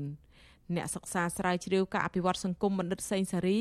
មានប្រសាសន៍ថាលោកហ៊ុនសែនគឺជាមេដឹកនាំដែលចូលចិត្តការបញ្ចើចបញ្ចើ និងមិនចូលចិត្តការរិះគន់នោះទេព្រោះពេលខ្លះ លោកបានចាត់ទុកខ្លួនឯងជាស្ដេចចាប់ជាតិឬជាកូនស្ដេចនាគជាដើមដូច្នេះទើបមន្ត្រីនិងមនុស្សចំណិតរបស់លោកនាំគ្នាផលិតបទចម្រៀងលើកជើង ដើម្បីឲ្យលោកសប្បាយចិត្តទោះជាយ៉ាងណាលោកយល់ថាប្រជាពលរដ្ឋភ័យច្រើនមិនចូលចិត្តស្ដាប់បទចម្រៀងដែលមានលក្ខណៈបញ្ឆោតបញ្ចើខុសការពិតនោះឡើយ។ មើលឃើញថាវាមិនមែនជាវិធីនៅក្នុងការតាក់ទាញការគ្រប់គ្រងទេសម្រាប់ខ្ញុំខ្ញុំមើលឃើញថាលោកនាយករដ្ឋមន្ត្រីខ្លួនឯងហ្នឹងក៏ដឹងច្បាស់ដែរថាពលរដ្ឋលែងគ្រប់គ្រងទៅហើយអញ្ចឹងហើយបានមក show បាយរបស់គាត់ហ្នឹងគឺមានតែសម្លុតទេមានតែសម្លុតមានតែគម្រាមមានតែចាប់ចងដាក់គុកអីចឹងទៅព្រោះបើសិនជាក្នុងករណីគាត់ដឹងថាពលរដ្ឋនៅមានការគ្រប់គ្រងគាត់បើកលំហនយោបាយហើយអញ្ចឹងរាល់ថ្ងៃនេះគាត់មិនហ៊ានចូលប្រកួតជាមួយនឹងគូប្រកួតដែលមានកម្លាំងស្មើគាត់ទេគាត់ចង់តែប្រកួតជាមួយនរណារៀងខ្សោយជាងហើយបើសិននជាគាត់ប្រើវិធីនៅក្នុងការតាក់ទាញការគ្រប់គ្រងការចាក់ចម្រៀងបែបនេះមានតែធ្វើឲ្យពលរដ្ឋធុញទ្រាន់ទេកន្លងទៅក្រុមអ្នកសិល្បៈមួយចំនួនដូចជាអ្នកកំ pl ែងអ្នកនិពន្ធអ្នកចម្រៀងល្បីៗទាំងបុរាណនិងសម័យព្រមទាំងអ្នកកាសែតជាដើមទទួលបានតំណែងធំធំក្នុងជួរកងកម្លាំងប្រដាប់អាវុធនិងមន្ត្រីរាជការស៊ីវិលដោយសារតែពួកគេនិយាយឬសរសេរនិងច្រៀងលើកជើងលោកហ៊ុនសែននិងក្រុមគ្រួសារត្រកូលហ៊ុនចំណែកអ្នកដែលនិយាយការពិតដើម្បីប្រយោជន៍ជាតិ តែមិនស្របទៅនឹងទស្សនៈរបស់លោកវិញលោកហ៊ុនសែននិងបកពួកតែងតែចាត់ទុកថាជាសត្រូវឬជាក្រុមអកតេឬក្បត់ជាតិហើយត្រូវអាជ្ញាធរចាប់ដាក់គុកឬត្រូវភៀសខ្លួនទៅក្រៅប្រទេសរស់នៅបែកបាក់ក្រុមគ្រួសារជាដើមការបង្ហោះចម្រៀងនៅលើទំព័រ Facebook របស់លោកហ៊ុនសែននេះក្រៅពីការលើកសរសើរការដឹកនាំរបស់លោកហើយនោះវាក៏ហាក់ជាការឃោសនាបង្កើនប្រជាប្រិយភាពមុនរដូវកាលបោះឆ្នោតដែរទោះជាយ៉ាងណា អ្នកខ្លំមើលវាតម្លៃថាមេដឹកនាំគណៈបកកាន់អំណាចរូបនេះនៅតែបាត់បង់សម្លេងគាំទ្រពីប្រជាពលរដ្ឋដោយកាលពីឆ្នាំ2013និងឆ្នាំ2017ដដែលព្រោះតែការដឹកនាំបែបផ្ដាច់ការនិងរំលោភសិទ្ធិមនុស្សធ្ងន់ធ្ងររបស់លោកក្នុងរយៈពេលជាច្រើនឆ្នាំមកនេះចា៎នាងខ្ញុំខែសុណងវັດឈូអាស៊ីសេរីរាយការណ៍ពីរដ្ឋធានី Washington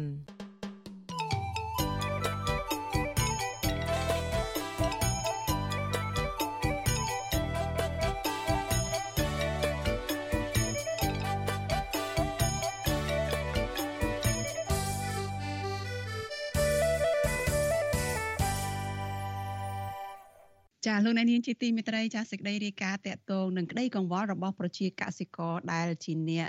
ធ្វើស្រូវវិញម្ដងស្រូវរបស់កសិកររាប់ពាន់ហិកតាកំពុងតែរងការខូចខាតដោយសារតែភាពរាំងស្ងួតមិនមានទឹកប្រើប្រាស់ចាកសិករព្រួយបារម្ភកាន់តែខ្លាំងខ្លាចមិនមានស្រូវប្រមូលផលដើម្បីផ្គត់ផ្គង់ជីវភាពនៅថ្ងៃខាងមុខនេះចាលោកលេងម៉ាលីរាយការណ៍ព័ត៌មាននេះ កសិករនៅខេត្តចំនួន2គឺខេត្តសៀមរាបនិងខេត្តបន្ទាយមានជ័យកំពុងបាត់បង់និងខូចខាតស្រូវរាប់ពាន់ហិកតាប្រជាកសិករម្នាក់ដែលរស់នៅភូមិគំរូក្នុងខេត្តសៀមរាបលោកស្រីសោមធិចលើកឡើងថាជិត3ខែមកនេះភូមិលោកស្រីមិនមានភ្លៀងទេលោកស្រីសោមធិចរៀបរាប់ថា បញ្ហារាំងស្ងួតនេះនឹងធ្វើឲ្យដំណាំស្រូវរបស់លោកស្រីចំនួន4ហិកតាខូចខាតអស់ លោកស្រីនិងប្តីដែលមានកូនតូច2នាក់ក៏បារម្ភថាមិនដឹងរកលុយឯណាសម្រាប់បង់ធនាគារនិងផ្គត់ផ្គង់ជីវភាពនោះទេខ្វល់ចិត្តហើយវាឆ្នាំក្រោយក៏មិនបានអុយហូបអត់មិនដឹងតែបានទៅអុយធ្វើអុយអាណាកូនទូចផងទៅទៅចូលកូនវាកូនរៀនសូត្រទៅក៏មើលរាំងរាំងរាំងរាំងមកក៏ដល់ពេលនេះក៏ភ្លៀងតែដល់ភ្លៀងរួចក៏រាំងទៅទៀត ឃើញស្រាប់ស្ងួតចេះងប់ល្អដុតឆេះ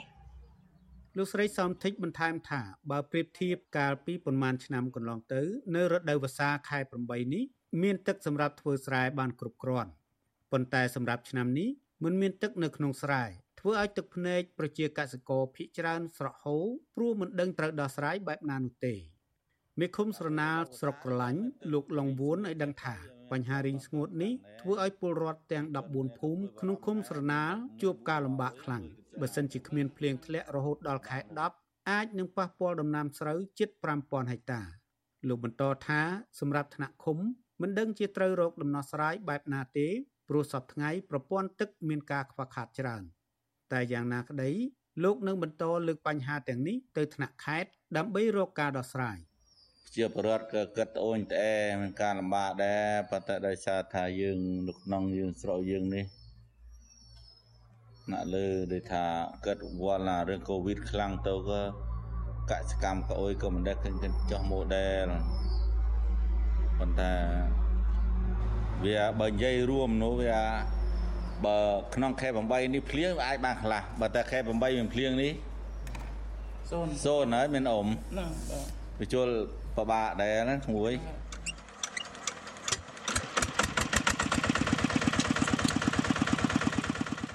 ចំណែកបញ្ហារាំងស្ងួតនៅខេត្តបន្ទាយមានជ័យឯនោះវិញកសិករនៅភូមិទាំងកម្មស្រុកប្រណិតព្រះលោកងួនមឿងបានភ្ជួរដំណាំស្រូវចោលទាំងអស់ចំនួន2ដងមកហើយដើម្បីព្រោះម្ដងទៀតលោកឲ្យដឹងថាស្រូវរបស់លោក4ហិកតាខូចទាំងអស់ដោយសារមិនមានទឹក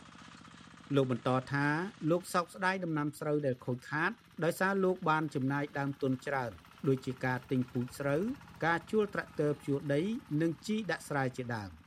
ព្រោះយើងអត្រាយើងជួល2ដងទៅគេម្ដងមួយសាគេយកមកពឿនហើយយើងក្នុង4ហិកតាវាយើងជួល2ដងទាំងអស់ទៅវាខ្ទង់ម៉ឺនជាងដែរហើយណាមួយយើងគិតថ្លៃពូជផងពូជមួយក្រុងពឿនជាង ហើយបើយើងអាចដាក់ជីអស់អ្នកមួយក្រុងទៀតមេតាមួយក្រុងទៀតវាខ្ទង់4ពឿនជាងបើយើងអត់ស្រោសារនេះទៀតក៏រំពឹងថាមានអីហូបដែលធ្វើអីយើងមិនមានស្រែណាក្នុងធ្វើស្រោប្រាំងគេមានតែស្រោផ្សារនេះឯងកសិករបញ្ជាក់ថា កាលពីឆ្នាំ2020គឺអាចប្រមូលផលបានខ្លះពីការធ្វើស្រែចម្ការប៉ុន្តែឆ្នាំ2021នេះអាចនឹងរងគ្រោះខ្លាំងបើនៅតែគ្មានភ្លៀងធ្លាក់ ឆ្លើយតបនឹងក្តីកង្វល់របស់កសិករអនុប្រធានការិយាល័យកសិកម្មស្រុកក្រឡាញ់លោកតែកំខួងនិយាយថាបញ្ហារាំងស្ងួតនេះមិនទាន់ប៉ះពាល់ខ្លាំងនៅឡើយទេលោកថាដំណាំរបស់កសិករអាចនឹងលូតលាស់ល្អឡើងវិញ នៅពេលមានភ្លៀងនៅក្នុងខែ8នេះអូដែលយើងពួកអីការប៉ះពាល់នេះវាមិនទាន់ងាប់ទេបើសិនជាមានភ្លៀងក្នុងរយៈពេលសប្តាហ៍សប្តាហ៍នេះទៀតការលូតលាស់របស់ដំណាំស្រូវហ្នឹងលូតលាស់យ៉ាង ឡើងវិញអត់បញ្ហាទេព្រោះកន្លងមកទៅមករស់នេះជាជនគាត់តែអលេងគោលេងជន់ទន្ទ្រានហ្នឹងទៅឲ្យវាអាចគោជក់អាចដល់ពេលព្រៀងមកវាល្អជាងមុនទៅទៀតលោកតែកំខួងបន្ថែមថា សម្រាប់ស្រុកក្រឡាញ់នឹងបន្តបង្កើនវិស័យកសិកម្មឲ្យបានច្រើន ដើម្បីចូលរួមដោះស្រាយបញ្ហាលំបាកមួយចំនួន របាយការណ៍ក្រសួងកសិកម្មចេញនៅថ្ងៃទី20ខែសីហាឆ្នាំ2021នេះបង្ហាញថា ស្ថានភាពប៉ះពាល់និងខូចខាតដោយគ្រោះធម្មជាតិគិតត្រឹមថ្ងៃទី18ខែសីហាឆ្នាំ2021ដំណាំស្រូវនៅខេត្តចំនួន4ខេត្តបន្ទាយមានជ័យកណ្ដាលពោធិ៍សាត់និងខេត្តសៀមរាបបានបន្តរងផលប៉ះពាល់និងខូចខាតដោយគ្រោះរាំងស្ងួតដំណាំស្រូវដែលទទួលរងផលប៉ះពាល់សរុបចំនួនជិត68000ហិកតា គឺស្មើនឹង2.56%នៃផ្ទៃដីដំណាំស្រូវអនុវត្តបានទូទាំងប្រទេស ខ្ញុំបាទលេងម៉ាលីអាស៊ីសេរីរាយការណ៍ពីរដ្ឋធានី Washington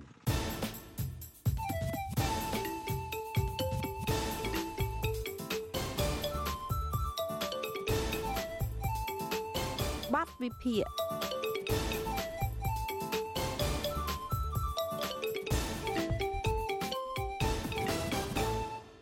កម្ពុជាចាត់វិធានការដើម្បីបន្ធូរបន្ថយសភាពចង្អៀតណែននៅក្នុងពន្ធនាគារ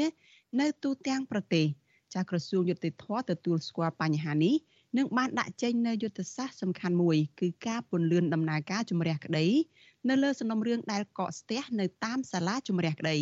ចតាយុទ្ធសាស្ត្ររបស់ក្រសួងយុតិធធនេះអាចកាត់បន្ថយភាពចង្អៀតណែននៅក្នុងពន្ធនាគារដែរឬទេចាសសូមស្ដាប់បទវិភាគមួយអំពីបញ្ហានេះរបស់លោកមានរិទ្ធស្ថានភាពចង្អៀតណែននៅក្នុងពន្ធនាគារនៅកម្ពុជា ឈានចូលដល់កម្រិតប្រកាសអាសន្នដែលចាំបាច់ត្រូវដោះស្រាយជាបន្ទាន់បន្ទាប់ពីមានការផ្ទុះរាតត្បាតនៃជំងឺ Covid-19 កាលពីឆ្នាំមុនរបបលោកហ៊ុនសែនបានប្រកាសចេញយុទ្ធសាស្ត្រដោះស្រាយបញ្ហានេះដែរតែការអនុវត្តជាមួយឆ្នាំកន្លងទៅនេះមិនទទួលបានផ្លែផ្កាជាដុំកំភួនឡើយរបបក្រុងភ្នំពេញតាមរយៈក្រសួងយុតិធធបានឆ្លើយតបចំពោះមុខមតិជាតិនិងអន្តរជាតិថាពន្ធនាគារចង្អៀតណែនគឺដោយសារតែសំណុំរឿងកកស្ទះ ដូច្នេះហើយត្រូវដោះស្រាយចំពោះសំណុំរឿងកកស្ទះទើបអាចដោះស្រាយបញ្ហាទាំងនេះបានក្រសួងនេះបញ្ញាបញ្ញាលប្រកាសយុទ្ធសាស្ត្រដោះស្រាយសំណុំរឿងកកស្ទះនៅពន្ធនាគារនៅទូទាំងប្រទេសកាលពីថ្ងៃទី18ខែឧសភាឆ្នាំ2020មួយឆ្នាំមួយខែក្រោយមកគឺនៅថ្ងៃទី17ខែមិថុនាឆ្នាំ2021ក្រសួងដដែលប្រកាសថាខ្លួនបានបិទបញ្ចប់យុទ្ធនាការដោះស្រាយសំណុំរឿងដែលកកស្ទះទាំងនេះរួចរាល់ហើយ សំណុំរឿងទុកចោលជាង96%ឬមានចំនួនជាង37900ករណីត្រូវបានចាត់ការរួចរាល់ទោះជាក្រសួងប្រកាសថាសំណុំរឿងលែងស្ទះមែនក៏ដោយក៏ប៉ុន្តែស្ថានភាពពន្ធនាគារនៅតែចង្អៀតណែនតាន់តាប់ដដែលរហូតដល់ឆ្លងជំងឺ Covid-19 នៅក្នុងពន្ធនាគារជាច្រើនកន្លែងទៀតផង ប្រការនេះហើយគឺជាភ័ស្តុតាងបង្ហាញថាយុទ្ធសាស្ត្រនេះប្រាជ័យប្រាជ័យមិនអាចដោះស្រាយបញ្ហាពន្ធនាគារកកស្ទះបាន គឺដោយសារតែក្រសួងយុទ្ធភ័ពមិនបានចាត់វិធានការឲ្យចំបញ្ហាដែលកើតមានឬអេះមិនចំប្រមាស់អង្គការនានាបានលើកឡើងថាបញ្ហាចម្បងនាំឲ្យចំនួនអ្នកជាប់ឃុំកើនឡើង គឺដោយសារតែការអនុវត្តនីតិវិធីច្បាប់នៅក្នុងប្រព័ន្ធតុលាការកម្ពុជា មិនត្រឹមត្រូវនាំមានការរំលោភសិទ្ធិសេរីភាពអ្នកជាប់ឃុំទាំងនោះ របាយការណ៍មួយរបស់អង្គការលីកាដូចេញផ្សាយកាលពីឆ្នាំ2018ដែលសិក្សាលើពន្ធនាគារចំនួន18នៅទូទាំងប្រទេសរកឃើញថាជនជាប់ឃុំចំនួនជាង8700នាក់ឬស្មើនឹងប្រមាណជិត40%នៃចំនួនអ្នកជាប់ឃុំទាំងអស់ត្រូវតឡាការឃុំខ្លួនជាបណ្ដោះអាសន្នរងចាំបើកសវនាការអង្គការលីកាដូក៏រកឃើញដែរថានៅក្នុងចំណោមអ្នកដែលត្រូវជាប់ឃុំបណ្ដោះអាសន្នទាំងនោះ មានអ្នកខ្លះជាប់គុករហូតដល់ទៅ2ឆ្នាំមិនទាន់ត្រូវតឡាការកំណត់ការបរិច្ឆេទជំនុំជម្រះក្តីផងរបាយការណ៍មួយទៀតចេញផ្សាយនៅឆ្នាំ2020ដោយអង្គការលើកលែងទោសអន្តរជាតិ Amnesty International បង្ហាញថាអ្នកជាប់ឃុំនៅកម្ពុជា ប្រមាណ72%ជាអ្នកជាប់ឃុំបណ្ដោះអាសន្ននិងមនុស្សរាប់ពាន់អ្នកផ្សេងទៀតជាប់គុកព្រោះបទល្មើសលហុគ្មានហិង្សាដោយករណីរកឃើញមានគ្រឿងញៀនជាប់ខ្លួន ឬប្រើប្រាស់ថ្នាំញៀនជាដើម អ្នកខ្លះត្រូវចៅក្រមស៊ើបសួរឃុំខ្លួនបណ្ដោះអាសន្នរងចាំការស៊ើបអង្កេតបន្តចំណែកខ្លះទៀតចៅក្រមសម្រាប់ចោតប្រកាន់និងបញ្ជូនសំណុំរឿងទៅឲ្យចៅក្រមជំនុំជម្រះតែម្ដងបែបតាមគោលការណ៍ច្បាប់ចៅក្រមស៊ើបសួរមានសិទ្ធិបង្គាប់ឲ្យឃុំខ្លួននរណាម្នាក់ជាបណ្ដោះអាសន្នហើយក៏មានសិទ្ធិដាក់អ្នកនោះឲ្យនៅក្រៅឃុំបណ្ដោះអាសន្នដែរករណីអ្នកនោះមិនបង្កវិនាសកម្មធ្ងន់ធ្ងរដល់សង្គមហើយអ្វីបានជាមានមនុស្សយ៉ាងច្រើនជាប់គុកបណ្ដោះអាសន្នបែបនេះ ចម្លើយមូលហេតុទី1ប្រហែលជាអ្នកទាំងនោះអាចជាសកម្មជនដីធ្លីសកម្មជនបរិស្ថានឬអ្នកគ្រប់គ្រងគណៈបពប្រឆាំងដែលបកកណ្ដាលអំណាចពងធ្វើទុកបុកម្នេញនិងមូលហេតុទី2អាចថាអ្នកទាំងនោះគ្មានខ្សែស្លាយមិនមានបពពួកម្យ៉ាងខ្សត់សំណែនទៅតុលាការទៀតផងមូលហេតុទី2នេះទំនងជាសមហេតុផលជាង ព្រោះអ្នកជាប់គុកដោយសាររឿងនយោបាយឬសិទ្ធិមនុស្សមានប្រមាណជាង100នាក់ប៉ុណ្ណោះនៅក្នុងរយៈពេល1ឆ្នាំចុងក្រោយបើធៀបទៅនឹងអ្នកជាប់គុកបណ្ដោះអាសន្នខ្ទង់រាប់ម៉ឺននាក់បាននិយាយពីរឿងសំណែនទៅស្ថាប័នតុលាការមានតែអ្នកដែលធ្លាប់ឡើងតុលាការទេទើបអាចដឹងរឿងនេះច្បាស់អ្នកធ្លាប់មានរឿងក្តីក្តាំឲ្យដឹងថាតុលាការជាកន្លែងដែលចាយលុយធំ ជាងកន្លែងណាណាទាំងអស់សម័យនេះអ្នកចាយលុយត្រូវមានរបៀបចាយត្រូវចេះលាក់កំបាំង ត្រូវសុកប៉ាន់តាមឈ្មួញកណ្ដាលនិងត្រូវបិទមាត់ឲ្យជិតសូម្បីតែសំណុំរឿងលែងលះប្តីប្រពន្ធដែលស្រុះស្រួលគ្នាលែងទាំងសងខាងក៏ដោយនោះក៏ត្រូវមានលុយសុកប៉ាន់ដែរទើបលែងដាច់បើមិនសុកលុយទេពាក្យបណ្ដឹងទាំងនោះអាចនឹងคล้ายទៅជាកកដុះផ្សិតជាមិនខាន ហើយបើប្តីប្រពន្ធមួយគូនេះត្រូវរើគ្នាវិញពួកគេអាចបង្កើតកូនរហូតដល់កូនធំបានរៀបការក៏តឡាការនៅមិនទាន់ដោះស្រាយបណ្ដឹងលែងលះនោះផង។ ហាងឆេងនៃសំណុំរឿងមានមិនដូចគ្នានោះទេ គឺថ្លៃឬថោកទៅតាមទំហំរឿងសំណុំរឿងធំប៉ះពាល់ធំត្រូវចាយលុយច្រើន ចំណែកឯសំណុំរឿងតូចចាយលុយតិចទោះជាយ៉ាងណាក៏ដោយការលើកឡើងទាំងនេះអាចមិនត្រូវនោះទេគណៈមន្ត្រីតុលាការខ្លះក៏ទំនងជាសុចរិតយុត្តិធម៌ដែរតែបើសិនជាចង់ដឹងច្បាស់ថាចក្រមព្រាញ្ញាឬកលាបញ្ជីណាម្នាក់ស្អាតស្អំឬពុករលួយនោះ គេគ្រាន់តែពិនិត្យមើលទ្រព្យសម្បត្តិ ធៀបទៅនឹងប្រាក់ខែឬចំណូលពីរបររកស៊ីរបស់គ្រួសាររបស់ពួកគេជាការស្រេចទោះជាយ៉ាងនេះក្តីគេក៏ឃើញមានដែរករណីតឡាការសម្រាប់ឲ្យអ្នកជាប់ឃុំអាចនៅក្រៅឃុំបណ្ដោះអាសន្នឬចៅក្រមជំនុំជម្រះសម្រាប់ព្យួរទោសជាដើមដូចយ៉ាងករណីលោកថោងសារ៉ាត់តឡាកាបានសម្រេចដាក់គុកអស់មួយជីវិតនៅក្នុងសំណុំរឿងឃាតកម្មលើលោកអឹងមេងជឺក៏ប៉ុន្តែអាចនៅក្រៅឃុំបណ្ដោះអាសន្នបានហើយបានចូលរួមឃោសនាបោះឆ្នោតឲ្យគណៈបកប្រជាជនកម្ពុជា តាំងពីចេញពីគុកសើមសើមកាលពីឆ្នាំ2018ទៀតផងករណីកញ្ញាយិនម៉ាណាកូនអ្នកមាននៅខេត្តសៀមរាបជាអ្នកបើកឡានបុកយុវនិស្សិតម្នាក់បណ្ដាលឲ្យស្លាប់ល្បីពេញ Facebook ត្រូវតឡាការផ្ដន្ទាទោសមួយឆ្នាំក៏ប៉ុន្តែជាប់គុកត្រឹមតែ2ខែពួកគេទាំងពីរមានវាសនាត្រូវតឡាការគោរពសិទ្ធិនិងគោលការណ៍នៅក្រៅឃុំបណ្ដោះអាសន្នបានឬមានតែពួកគេផ្ទាល់ទេទើបដឹងពីរឿងនេះច្បាស់កលេចទៅមើលស្ថានភាពអ្នកជាប់ឃុំទៅនោះវិញ ដំណើរការឃុំឃាំងអ្នកជាប់ឃុំបានផ្ទុយទៅនឹងច្បាប់ពន្ធនាគាររួចហើយច្បាប់ស្តីពីពន្ធនាគារចែងថាពន្ធនាគារត្រូវរៀបចំឡើងដើម្បីអប់រំកែប្រែស្ដារនីតិសម្បទាដើម្បីផ្ដល់ឱកាសឲ្យអ្នកដែលធ្លាប់ជាប់ឃុំទៅនោះអាចកែខ្លួនជាថ្មីដើម្បីទៅរស់នៅក្នុងសង្គមឡើងវិញហើយគ្រប់គ្រងពន្ធនាគារធានាឲ្យបាននូវសន្តិសុខសុវត្ថិភាពសុខភាពមនុស្សធម៌ស្របតាមគោលការណ៍អន្តរជាតិនិងវិធានសហប្រជាជាតិ ទិន្នន័យពីក្រសួងមហាផ្ទៃនៅខែមេសាឆ្នាំ2020បង្ហាញថាអត្រាអ្នកជាប់ឃុំនៅក្នុងពន្ធនាគារនៅកម្ពុជា គឺមានច្រើនជាងសមត្ថភាពដែលពន្ធនាគារអាចផ្ទុកបាន រហូតទៅដល់ជាង460%ឯណោះ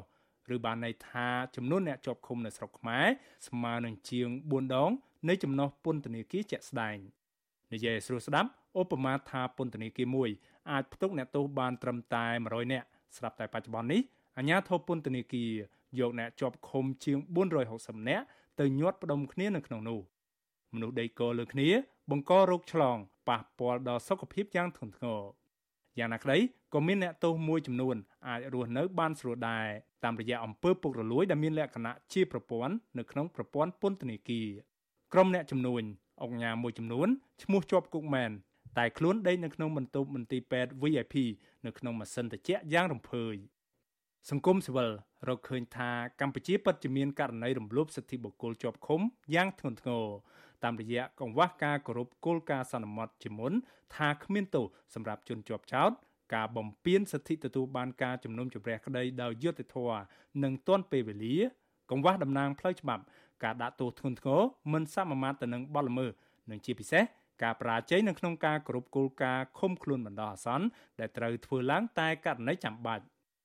សរុបសេចក្តីមករដ្ឋាភិបាលកម្ពុជាត្រូវដោះស្រាយបញ្ហាចំកន្លែងមានបញ្ហាទើបអាចបន្ថយភាពចង្អៀតណែននៅក្នុងពន្ធនាគារបានបើដោះស្រាយមិនបាន មនុស្សរាប់ពាន់នាក់ទៀតនឹងជាប់ពន្ធនាគារចង្អៀតដដែលនាំឲ្យមានអំពើអយុត្តិធម៌សង្គមបង្កការឈឺចាប់ដល់មនុស្សរាប់ម៉ឺនគ្រួសារបើសិនជាប្រទេសកម្ពុជា មានការគ្រប់នីតិរដ្ឋនិងលទ្ធិប្រជាធិបតេយ្យពិតប្រាកដមែននោះនោះប្រជាពលរដ្ឋខ្មែររាប់ម៉ឺននាក់ ក៏មិនជួបបញ្ហាគួរឲ្យខ្លោចផ្សាបែបនេះដែរខ្ញុំបាទមេរិត Visual C ស្រីរាយការណ៍ពីរដ្ឋធានី Washington ចាលោកនាងកញ្ញាប្រិមិត្តអ្នកស្ដាប់ជាទីមេត្រីចាអ្នកជំងឺ Covid-19 ចំនួន11អ្នកទៀតបានស្លាប់ដែលធ្វើឲ្យករណីអ្នកស្លាប់ដោយសារជំងឺនេះកើនឡើងដល់ជិត1900អ្នកហើយនៅថ្ងៃទី29ខែសីហានេះចំពោះករណីឆ្លងថ្មីវិញគឺមានជាង